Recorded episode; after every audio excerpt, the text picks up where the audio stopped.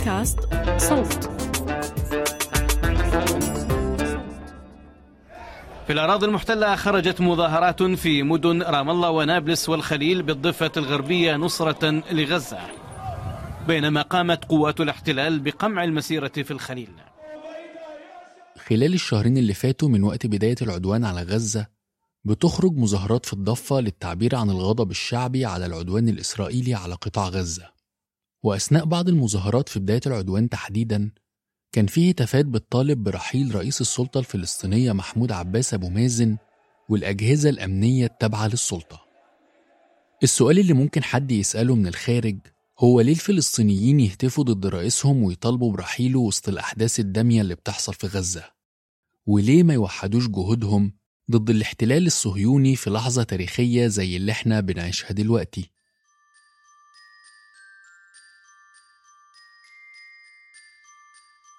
أهلا بكم في السلسلة الخاصة عن فلسطين. حلقات بننشرها على بودكاست قصص من فلسطين. ومعاكم أحمد إيمان زكريا من فريق صوت. بنشارككم في السلسلة دي معلومات أساسية عن قطاع غزة. ربما أصبحت غايبة عن البعض. معلومات يمكن ضاعت وسط تفاصيل الحروب المتوالية ضد القطاع. تفاصيل مرهقة خلتنا ننسى إن البديهيات هي جذر القضية ونقطة انطلاقها. في السلسلة دي بنوثق تاريخ القطاع والحصار اللي بيتعرض له من عقدين تقريبا والأدوار الإقليمية والدولية تجاه قطاع غزة سواء بدعمه أو زيادة التضييق على سكانه وعلى حرية الحركة وإدخال المساعدات الإنسانية. في الحلقة دي هنتكلم عن الضفة الجزء الثاني من الأرض اللي المفروض بتقع تحت إدارة السلطة الفلسطينية برئاسة محمود عباس أبو مازن. وقبل ما نجاوب على السؤال اللي طرحناه في الأول مهم نعرف شوية معلومات عن الضفة الغربية ونفكر في كام نقطة. الضفة الغربية هو مصطلح أطلقته السلطات الأردنية على الأراضي الفلسطينية اللي ما استولتش عليها إسرائيل في نكبة 1948 والمسمى جاي هنا من إن الأراضي دي تقع غرب نهر الأردن. بمعنى تاني الضفة هي منطقة جغرافية محصورة بين الأردن والأراضي المحتلة من قبل الكيان الصهيوني. وبتشكل الضفة نسبة 21% من المساحة التاريخية لفلسطين قبل النكبة والضفة الغربية انضمت لحكم ملك الأردن سنة 1950 وبقت الضفتين الغربية والشرقية هما المملكة الأردنية. وفضلت الضفة تحت حكم السلطات الأردنية لحد سنة 1988 لما أعلنت المملكة فك الارتباط مع الضفة واعتبار أن منظمة التحرير هي الممثلة الشرعية للشعب الفلسطيني. على أنه ينبغي أن يفهم بكل وضوح وبدون أي لبس أو إبهام أن إجراءاتنا المتعلقة بالضفة الغربية إنما تتصل فقط بالأرض الفلسطينية المحتلة وأهلها. ومدن الضفة هي رام الله والبيرة وجنين وطوباس والأغوار الشمالية وطول كرم ونابلس وقلقيلية وأريحة والأغوار وبيت لحم والخليل وسلفيت والقدس. دي أسماء مدن يمكن سمعنا عنها في الأخبار وهي بتتعرض لوحشية الاحتلال. رغم إنها نظريا تابعة لأراضي تحت حكم السلطة الفلسطينية ومش تابعة للاحتلال. السلطة الفلسطينية اتكونت بعد ما حصلت مفاوضات بين الاحتلال وقيادات فلسطينية ووساطات غربية في التسعينات. وبناء على المفاوضات دي تم توقيع اتفاقيات أوسلو. وكان من نتائج الاتفاقيات دي إنشاء السلطة الوطنية الفلسطينية اللي بتحكم الضفة وقطاع غزة لحد النهاردة نظريا أو وفقا للاتفاقيات. واتفاقيات أوسلو بيمر عليها 30 سنة بعد توقيعها سنة 1993 يعني إحنا هنا بنتكلم عن خط تاريخي بيبدأ من 1948 لحد 1993 الضفة في الوقت ده مرت بأحداث كتير جدا من ضمنها السقوط تحت الاحتلال الصهيوني سنة 1967 ومعاها قطاع غزة وهضبة الجولان السورية وشبه جزيرة سيناء المصرية. اندلاع الانتفاضة الفلسطينية الأولى سنة 1987 من غزة وانتقالها للضفة. جوه الضفة بدأت تتكون مستوطنات إسرائيلية كتير بعد نكسة 1967 ولحد النهاردة المستوطنات الإسرائيلية موجودة داخل الضفة وعدد سكانها بيزيد طول الوقت. ويتقدم الرئيس الفلسطيني ياسر عرفات للتوقيع على باقي الوثائق. اتفاقيات أوسلو مثلت أول اعتراف غربي وإسرائيلي بالوجود الفلسطيني واعتبار منظمة التحرير ممثل شرعي للشعب الفلسطيني وغيرت منظمة التحرير نهجها المعتمد على المقاومة المسلحة وتحول خطابها ناحية المفاوضات والمقاومة السلمية. إحنا بدناش لا نؤمن بالحرب ولا نؤمن بالسلاح ولا نؤمن بالصواريخ ولا نؤمن بالطيارات ولا نؤمن بالدبابات. وصدقوني اللي بنشتغله أهم من كل هذا. معنى كده إن سردية الحركة الإرهابية كان موجود عند الغرب قبل نشأة حماس عادي. ومنظمة التحرير كانت موصومة بالإرهاب عادي جدا. والدليل على كده إن إسرائيل في أغسطس 1993 عدلت مرسوم أصدرته سنة 1948 لمكافحة الإرهاب والتعديل كان مضمونه هو فتح باب التواصل مع منظمة التحرير اللي كانت إرهابية قبل كده حاجة بتخلينا دايما نفكر في سؤال مين هنا المسيطر على الخطاب؟ اتفاقيات أوسلو كانت سرية ومضمونها كان هو منح الحكم الذاتي لمنظمة التحرير لمدة خمس سنين. وبعد كده إسرائيل تشوف لو هتمنح المنظمة حق حكم الضفة وقطاع غزة ولا لأ. وذلك بعد عامين من المفاوضات السرية بين قادة من حركة فتح ومسؤولين إسرائيليين في العاصمة النرويجية أوسلو. مهندسا الاتفاق من الجانبين. كان الرئيس الفلسطيني الحليم محمود عباس ورئيس وزراء إسرائيل الأسبق شمعون بيرس. ممكن البعض يفكر إن الضفة بما إنها تحت حكم السلطة الوطنية الفلسطينية فده معناه إن مفيش عدوان بيحصل هناك في مدن زي رام الله أو جنين أو الخليل مثلا. لكن ده كلام غير دقيق والعدوان مستمر والوحشية ما بتتوقفش على كافة المستويات. كل ما نبني عش ينخربوا لنا إياه. كل ما نبني بيت ينهدموا لنا إياه. كل ما نخلف ولد قتلوا لنا إياه. شو ظل لنا؟ شو ظل قتلوا الأمل قتلوا زهرة الحب اللي بقلبنا. بعد سنة واحدة بس من توقيع اتفاقية أوسلو وتحديدا سنة 1994 يوم 25 شباط فبراير في مدينة الخليل الواقعة جنوب غرب القدس وداخل الحرم الإبراهيمي بيقتل مستوطن إسرائيلي مسلح 29 فلسطيني كانوا بيصلوا في الحرم. بعد ما أطلق المستوطن باروخ جولدشتاين رصاصه على المصلين الأمر وصل إن جنود الاحتلال أغلقوا باب المسجد فاتمنع المصلين اللي جوه يخرجوا أو أي حد تاني يدخل المسجد من بره. وحصلت بعد كده مواجهات مع جيش الاحتلال أثناء تشييع جنازات الشهداء. وكان نتيجة المواجهات دي إن عدد الشهداء وصل في مجمله لستين شهيد سواء داخل الخليل أو خارجها. وهنا لازم نتساءل هو إيه شكل علاقة السلطة الفلسطينية بالاحتلال؟ الاحتلال الإسرائيلي كان شايف إن السلطة الوطنية ضعيفة. خاصة بعد ما حصلت الانتفاضة التانية. وتزامن مع الانتفاضة وقوع أحداث 11 سبتمبر 2001 هنا انتهز الاحتلال إنه يوصف المقاومة بالإرهاب عشان يتماشى مع الخطاب الأمريكي المدجج بالإسلاموفوبيا. وأصبح الهجوم على الفلسطينيين مبرر في إطار عالمي للحرب على ما يسمى بالإرهاب.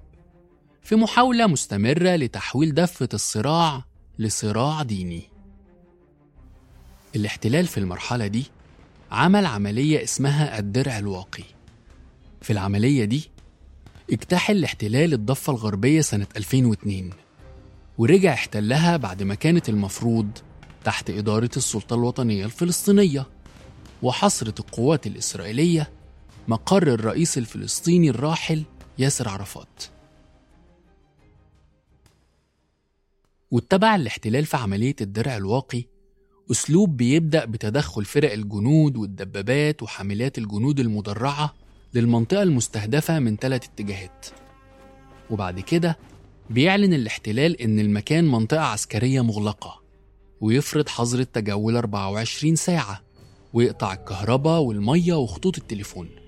وبعد كده بيقوم بعمليات تفتيش صارمة للمنازل ويعتقل أفراد بتهمة الانتماء لفصائل المقاومة. وقتها اعتقل حوالي أكتر من 5000 شخص من بينهم مروان برغوثي اللي مازال معتقل لحد النهاردة بعد حكم بخمسة مؤبد والسجن 40 سنة. مروان برغوثي هو أحد القادة البارزين في حركة فتح ومن قيادات الانتفاضة الأولى والتانية.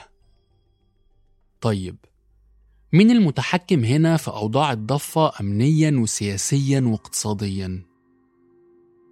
اتفاقيات أوسلو المكونة من اتفاقية أوسلو واحد سنة 1993 وأوسلو 2 سنة 1994 حددت شكل التنسيق بين الاحتلال والسلطة الوطنية على مستوى السيطرة على المناطق في الضفة مثلا المناطق اتقسمت لمنطقة ألف وب وجيم نظريا المنطقة ألف بتقع تحت السيطرة الفلسطينية بالكامل وهي المنطقة اللي ذكرنا إنها بتشمل رام الله والخليل وجنين ونابلس ومدن تانية.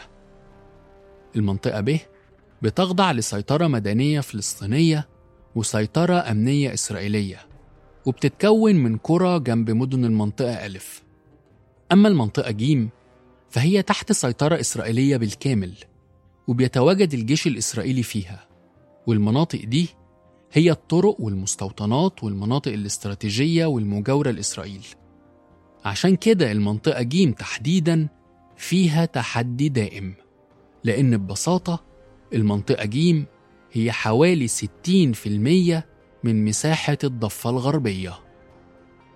مهم نقول هنا أنه رغم إدارة السلطة الوطنية الفلسطينية للضفة إلا أن الاحتلال مسيطر بشكل فعلي على كافة مناحي الحياة فيها اتفاقية أوسلو ببساطة حطت شكل قانوني ومعترف بيه لتحجيم دور السلطة الوطنية الفلسطينية وحصول إسرائيل على غطاء شرعي ومباركة دولية لفعل ما يحلو لها داخل الضفة وقطاع غزة.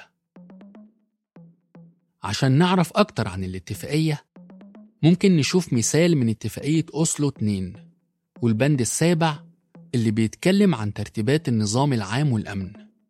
البند بيقول: من أجل ضمان النظام العام والأمن الداخلي للفلسطينيين في قطاع غزة ومنطقة أريحة، تشكل السلطة الفلسطينية قوة شرطة قوية، وستستمر إسرائيل في القيام بمسؤولية الدفاع ضد التهديدات الخارجية، وتشمل المسؤولية عن حماية الحدود المصرية والخط الأردني، والدفاع ضد التهديدات الخارجية من البحر والجو، وكذلك المسؤولية عن الأمن الشامل للإسرائيليين والمستوطنات، لغرض تأمين أمنهم الداخلي والنظام العام لهم.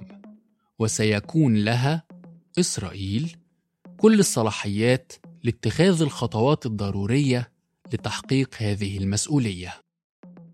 البند واضح جدا فيه عمومية الأشياء والمساحة الواسعة لإسرائيل إنها تقرر وقت ما تحب إيه هي الخطوات الضرورية والمسؤولية اللي بتتحملها. إنه الحلم الدولة هو حلم أو وهم بالأخير لأن الدولة مؤجلة إلى الأبد لأن السيادة لإسرائيل ولو لاحظنا على الخريطة إذا بصيرنا بعد بعد كم من دقيقة بفرجيك على الخريطة تشوف الواقع شو هو. نعم. المستوطنات بتحوط كل المدن. فلاحظوا الناس بالاخير إنه السلطة تشارك بظلم الفلسطينيين تحت الاحتلال يعني بي بي بي بإطار الاحتلال الإسرائيلي. فهذا لا يعني ده صوت المفكر الفلسطيني الراحل إدوارد سعيد في مقابلة مع برنامج بلا حدود. ومن المعروف عن سعيد إنه كان عضو في المجلس الوطني الفلسطيني واستقال منه اعتراضا على عقد اتفاقية أوسلو. طيب حماس كانت فين في المرحلة دي؟ لو فاكرين في حلقة سابقة هتلاقوا الرابط بتاعها في وصف الحلقة دي. كنا قلنا إن حماس مش في عقيدتها من أول ما نشأت إنها تتفاوض أصلا مع الاحتلال وبالتالي أصله اتفاقية باطلة عند حماس. هنا بنطرح سؤال تاني. هل الخلاف الجوهري بين حماس وفتح ممكن يكون صنع مساحة تفاوض أكبر بين فتح والاحتلال؟ سؤال مهم للتفكير والتأمل.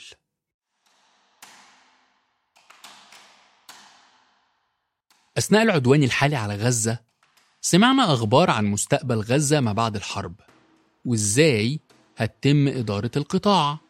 وصرح وزير الخارجية الأمريكي إن إسرائيل مش عايزة تدير القطاع وإن الحل هو وجود سلطة فلسطينية فعالة ومتجددة خاصة إن حكم حماس لغزة غير محبذ من أطراف متنوعة وده هينقلنا لسؤال جديد هل تقدر فتح تحكم الضفة وغزة؟ وهل فتح عندها القدرة على فرض السيطرة على كامل أراضي الضفة؟ في واحد من ملاحق اتفاقية أوسلو نقرأ ما يلي من المفهوم أنه لاحقا للانسحاب الإسرائيلي ستستمر إسرائيل في مسؤولياتها عن الأمن الخارجي وعن الأمن الداخلي والنظام العام للمستوطنات والإسرائيليين ويمكن للقوات العسكرية والمدنيين الإسرائيليين أن يستمروا في استخدام الطرقات بحرية داخل قطاع غزة ومنطقة أريحة. إضافة لحاجة مهمة جدا مرتبطة بنقل صلاحيات الحكم للسلطة الفلسطينية وهي إن المجالات محددة وفقا لاتفاقيات أوسلو وهي خمس مجالات التعليم والثقافة الصحة الشؤون الاجتماعية السياحة وأخيرا الضرائب المباشرة وضريبة القيمة المضافة على الإنتاج المحلي. البند 22 في اتفاقية أوسلو ممكن كمان يفهمنا شكل التعاون أو التنسيق بين الاحتلال والسلطة الفلسطينية. تسعى إسرائيل والسلطة الفلسطينية لتعزيز التفاهم المتبادل والتسامح وهيمتنعوا عن عمليات التحريض والدعاية العدائية ضد كل منهما تجاه الآخر. بدون الانتقاص من مبدأ حرية التعبير وهيتخذوا الإجراءات القانونية اللي تمنع عمليات التحريض من جانب أي منظمة أو جماعات أو أفراد. بند زي ده ممكن يفهمنا تصريح محمود عباس حوالين المقاومة السلمية وتصريحه التاني اللي كان من كام أسبوع حوالين استعداد السلطة الوطنية الفلسطينية لتحمل مسؤوليتها في الضفة وغزة والقدس الشرقية في إطار حل سياسي شامل الجانب الفلسطيني ارتكب خطيئة كبيرة في اتفاق أوسلو عندما وافق على توقيعه دون اشتراط وقف الاستيطان بالكامل. النتيجة اليوم أن لدينا بدل 121 ألف مستوطن في الضفة الغربية والقدس الآن هناك 750 ألف مستوطن مستعمر إسرائيلي. هذا هو الخطأ الفلسطيني الأساسي. والخطأ م. الثاني كان المراهنة على أن المفاوضات وحدها ستأتي بالحل وأن الولايات المتحدة ستقوم ببذل الجهد المطلوب لإجبار إسرائيل على إنهاء الاحتلال. هذا كله لم يحدث واتضح أن اتفاق أوسلو كان برأيي فخا كبيرا نصبته الحركة الصهيونية للقيادة الفلسطينية ووقعت فيه. ده صوت مصطفى البرغوثي الأمين العام للمبادرة الوطنية الفلسطينية. واحدة من الحركات الوطنية الفلسطينية. المقابلة دي من شهرين بس وبالرغم من كده فأعداد المستوطنين الإسرائيليين في الضفة الغربية والقدس الشرقية بتزيد كل يوم. ده غير وجود المستوطنات والبؤر الاستيطانية جوه الضفة واللي وصل عددها وفقا لتقارير لحوالي 300 مستوطنة وبؤرة استيطانية مع سنة 2023 وبالمناسبة الوضع السياسي غير منفصل عن الوضع الاقتصادي. يعني لو سلطات الاحتلال بتسيطر على الأرض والوضع الأمني في الضفة فأكيد هي كمان ضالعة في السيطرة على الوضع الاقتصادي. مثلا الاحتلال بيقتطع من الأموال اللي المفروض تدخل خزينة السلطة الفلسطينية وتتوزع على قطاعات الحكومة الفلسطينية. ودي أبرز ورقة ضغط على الحكومة الفلسطينية بيستخدمها الاحتلال دايما. واستخدمها في العدوان الحالي كمان. ده غير إن الأموال دي بتستخدمها سلطات الاحتلال وتحولها للقتلى والجرحى الإسرائيليين. الاقتطاع ده من أموال الفلسطينيين وصل لدرجة إن الكنيست أو البرلمان الإسرائيلي أقر تجميد المخصصات المالية للمعتقلين والشهداء الفلسطينيين وعائلاتهم سنة 2018 والتشريع ده متماشي مع الاتفاقية الاقتصادية اللي وقعها الاحتلال مع السلطة الفلسطينية والمعروفة باسم اتفاقية باريس الاقتصادية واللي اتوقعت سنة 1994 مش بس كده الاحتلال بيفرض قيود اقتصادية صارمة على أهل الضفة فمثلا بيحظر استيراد تكنولوجيا معينة وبيفرض نظام تصاريح صارم وضوابط بيروقراطية مع وجود نقاط تفتيش وبوابات وسواتر ترابية وحواجز. ده غير وجود جدار الفصل العنصري اللي بناه الاحتلال من بداية سنة 2002 عشان يفصل الضفة الغربية تماما عن الداخل المحتل. والقيود اللي بيفرضها الاحتلال على الضفة بتأثر على 25% من الناتج المحلي للضفة الغربية. بعد توضيح الأبعاد المختلفة للوضع في الضفة نرجع لسؤال الحلقة الرئيسي. ليه الفلسطينيين بيهتفوا ضد أبو مازن والسلطة الفلسطينية وسط الأحداث الدامية اللي بتحصل في غزة؟ أوسلو في اتفاقيتها لم تذكر مرة واحدة الحقوق الفلسطينية. لم تذكر مرة واحدة القانون الدولي. لم تذكر مرة واحدة القرارات أم المتحدة لصالح الشعب الفلسطيني. أوسلو وضعتنا رهينة عبيدا للاحتلال. ده صوت الباحث الفلسطيني الدكتور سلمان أبو ستة. في مقابلة لقناة الجزيرة هتلاحظوا إن الربط الدائم بين أوسلو والسلطة الفلسطينية مرتبط بشكل كبير بأبو مازن أو محمود عباس بصفته مهندس الاتفاقية دي زي ما وصفوا كتير من الباحثين. بالإضافة لتهم فساد للسلطة ووجود أبو مازن في الرئاسة حتى بعد ما انتهت ولايته سنة 2009 عمر الرئيس الفلسطيني حاليا 88 سنة. نحن نريد السلام مع إسرائيل. أولا إسرائيل جارتنا نريد أن نعمل سلاما معها ونعيش بسلام معها. وعندما يحصل السلام بيننا وبين إسرائيل هناك 57 دولة إسلامية كلها كلها مضطرة أو راغبة أن تقيم علاقات مع دولة إسرائيل بعد أن يوقع السلام بيننا وبين آه، إسرائيل. ده تصريح لمحمود عباس خلال مؤتمر صحفي مع الرئيس الفرنسي الحالي إيمانويل ماكرون. خلال العدوان الحالي على قطاع غزة ما سلمتش الضفة الغربية من هجمات الاحتلال ووحشيته. فمثلا قتل الاحتلال مقاومين من مخيم جنين. ومخيم جنين له تاريخ ممتد في مواجهته للاحتلال وعانى بشدة في الانتفاضة التانية وتم تدمير أكتر من 400 بيت وتشرد أكتر من ربع سكان المخيم. الهجمات المتكررة من الاحتلال على مخيم جنين ما وقفتش أهل المخيم عن المقاومة وتكونت كتيبة جنين وهي جماعة مسلحة اتشكلت سنة 2021 ومخيم جنين واحد من ضمن 22 مخيم موجودين في الضفة الغربية حسب جهاز الإحصاء الفلسطيني. أثناء تسجيل الحلقة دي وصل عدد الشهداء في الضفة من يوم 7 أكتوبر حوالي 275 شهيد وحوالي 3300 جريح و3500 معتقل.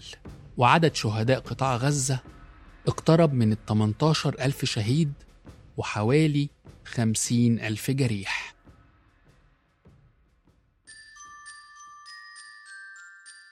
كنت معاكم من الإنتاج والبحث والكتابة أحمد إيمان زكريا. من التحرير تالا حلاوة. شارك في البحث خالد الزغول تدقيق المعلومات روان سممرة. والهندسة الصوتية لحسام علي. فريق النشر والترويج بيان حبيب وجنى عوض وعمر خطاب ومحمد ياسر. قصص من فلسطين بودكاست من إنتاج صوت.